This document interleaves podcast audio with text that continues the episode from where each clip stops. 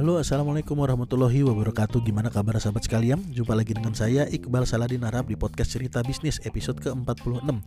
Semoga sahabat sekalian kehidupannya baik Dan penghidupannya teman-teman sekalian pun juga baik Lebih baik daripada kemarin. Semoga dan akan semakin baik juga ke depannya.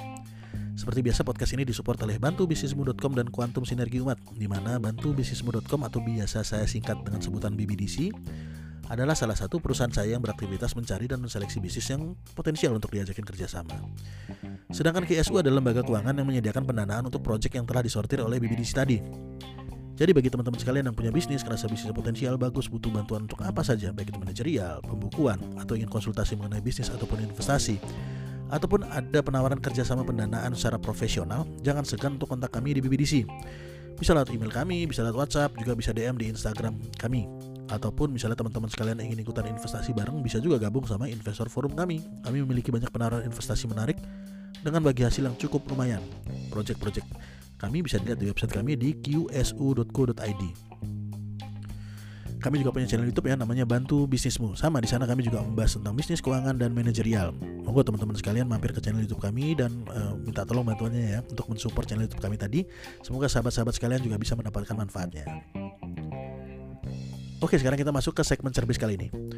Pada suatu ketika ya, ada seorang sahabat yang bertanya kepada saya, Bro, apa yang perlu saya pelajari untuk bisa menjadi sukses? Dan pertanyaan seperti ini sepertinya uh, cukup mewakili ya pertanyaan-pertanyaan yang serupa yang ditujukan kepada kami. Dan memang kebetulan ini juga termasuk salah satu pertanyaan favorit yang sering dilontarkan oleh kebanyakan penanya. Ketika saya mendengar kata sukses, maka di pikiran saya kata lain yang mengikutinya adalah karakter. Jadi sukses tidak lepas dari karakter. Kenapa orang sukses itu lebih sedikit jumlahnya daripada orang biasa-biasa saja? Jawabannya menurut saya sederhana, karena nggak banyak orang yang memiliki karakter. Dan membentuk karakter itu sebetulnya nggak mudah teman-teman sekalian. Tidak semudah membalikkan telapak tangan.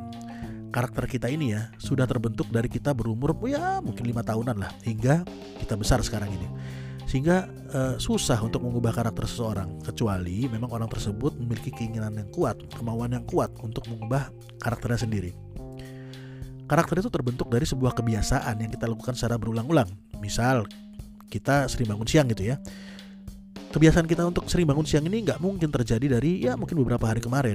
Kebiasaan bangun siang ini pasti sudah terbentuk lebih dari beberapa bulan atau bisa jadi lebih dari satu tahun Lalu bagaimana cara kita bisa mengubah karakter kita bisa menjadi lebih baik lagi? Kalau menurut saya ada satu cara yang efektif, yaitu dengan disiplin. Disiplin itu adalah salah satu, eh, bukan salah satu ya, adalah sesuatu yang mudah untuk diucapkan namun sangat sulit untuk dilakukan.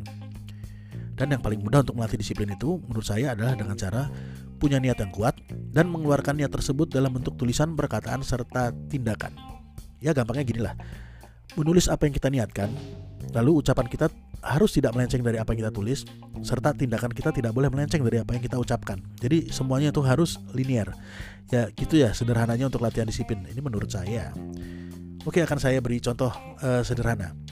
Saya pernah bertanya kepada para peserta kelas pendampingan bisnis yang kita lakukan. Begini pertanyaan yang saya lontarkan. Jadi teman-teman sekalian, kalau saya kasih pilihan kepada teman-teman yaitu aman, nyaman, dan kaya, dan saya minta urutan berdasarkan keinginan teman-teman dari tiga hal tersebut, kira-kira bagaimana urutan idealnya.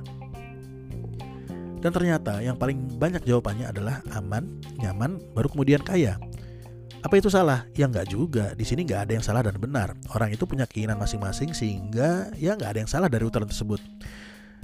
Dan karena banyak yang ingin aman, nyaman, baru kaya, maka mungkin ya seperti itulah keadaan mereka saat ini mungkin mereka saat ini ada di fase aman dan nyaman dan belum kaya karena mungkin ya kaya itu ditempatkan di posisi terakhir. Kalau saya pribadi lebih memilih kaya dulu, nyaman baru aman. Kenapa? Karena menurut saya pribadi ya, kalau sudah kaya ya tinggal dibuat senyaman mungkin dan kalau sudah punya banyak duit nyaman, maka insya Allah kehidupan saya akan lebih aman. Ini menurut saya pribadi ya. Kalau misalnya teman-teman sekalian punya pendapat yang beda, ya boleh-boleh aja kaya eh, menjadi prioritas utama dari dua prioritas lainnya bagi saya. Sehingga untuk itu ucapan saya tentunya harus linear. Saya nggak boleh membicarakan hal-hal yang negatif seperti misalnya curhat ketika ketipu orang, apalagi curhat ketika diomelin istri gitu ya, ataupun ngomel ketika pelanggan nggak jadi beli, ataupun wah mungkin ada banyak hal lain lah. Jadi uh, ucapan saya harus uh, positif, harus uh, apa ya ucapan saya itu harus selaras dengan apa yang saya inginkan sehingga ya tadi yang bagus-bagus aja yang keluar. Kalau bisa ucapan yang positif tidak boleh ada keluar kata-kata keluh kesah. Dan demikian juga dengan tindakan. Misal ketika saya bilang dapat 100 juta sebulan itu gampang. Misalnya kayak gitu ya. Maka tindakan saya yang mengikuti harus selaras dengan hal tersebut. Mana bisa saya dapat uang 100 juta tapi kerja saya misalnya ya cuman di, di rumah aja gitu. Nonton TV tidur siang nonton film Korea nonton sinetron FTV ya mungkin ada ya sebagian orang ya mungkin dengan uh, apa namanya perkembangan zaman saat ini banyak work from home gitu ya misalnya atau uh, tidak perlu ngantor dulu atau tidak perlu kerja di kantoran bisa hidup sambil jalan-jalan dengan mendapatkan pemasukan 100 juta. Tapi ya eh, nggak uh, semua orang kan punya privilege seperti itu. Nggak semua orang bisa melakukan hal tersebut.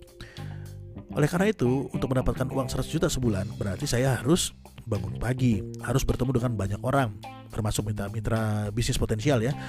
Terus saya juga perlu meeting untuk mendirikan urusan, membuat konsep.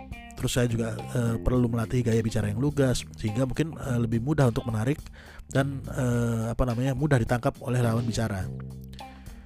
Dan saya juga nggak boleh suka marah-marah nggak jelas, nggak boleh bingung dan harus tetap tenang dalam e, setiap situasi menghadapi masalah dan ya masih banyak lah yang perlu uh, dilakukan agar saya uh, pantas untuk menjadi orang kaya.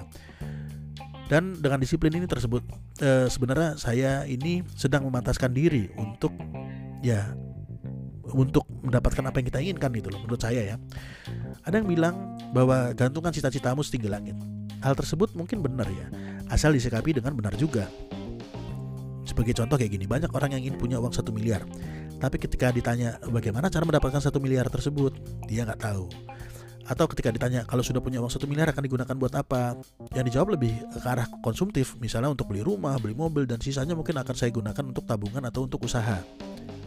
Lalu ketika dilanjutkan, ketika ditanya usaha apa yang akan kamu lakukan dengan uh, sisa uangnya, jawabnya mungkin belum kepikiran tuh. Jadi gimana coba mau kaya tapi nggak siap untuk itu. Itu bukannya nggak siap namanya ya, tapi menurut saya itu nggak niat bisa jadi kalau misalnya ya uh, seorang uh, anda seorang pengusaha gitu ya pengusaha yang sudah jatuh misalnya susah terus ada seorang teman anda yang mungkin punya utang budi waktu uh, dia muda dulu kepada anda dan dia punya uang satu miliar untuk di apa ya dipinjamkan untuk anda jadi ini saya punya uang satu miliar nih lu mau pakai buat apa misalnya gitu ya maka kemungkinan besar uangnya akan habis dalam waktu kurang dari satu bulan. Kenapa? Karena ya mungkin Anda juga nggak siap untuk menerima uang tersebut gitu loh. Dan perlu diingat ya teman-teman sekalian ya, Allah tidak akan mengubah nasib suatu kaum kecuali kaum tersebut mau mengubah nasib mereka sendiri. Oleh karena itu, pesan saya dalam episode kali ini adalah kalau misalnya teman-teman sekalian mau kaya, itu boleh. Tapi harus punya kedisiplinan yang uh, tinggi untuk bisa uh, mempersiapkan kapasitas kita gitu loh. Dan untuk disiplin itu butuh waktu bertahun-tahun teman-teman sekalian untuk uh, apa ya? Untuk mendarah daging Gak mudah memang, tapi gak sulit juga kalau kita lakukannya secara bertahap dan secara konsisten. Jadi uh, gitu ya teman-teman sekalian ya. Kalau menurut saya ya, jadi disiplin apa namanya uh, sukses itu tidak lepas dari kata karakter dan karakter tidak lepas dari kata disiplin. So seperti itulah kira-kira cerita singkat saya pada episode cerbis kali ini. Uh, semoga bermanfaat buat teman-teman pendengar sekalian, terutama buat saya pribadi sebagai pengingat diri. Dan oke lah saya mundur diri dulu sampai jumpa di episode cerbis berikutnya. Assalamualaikum warahmatullahi wabarakatuh.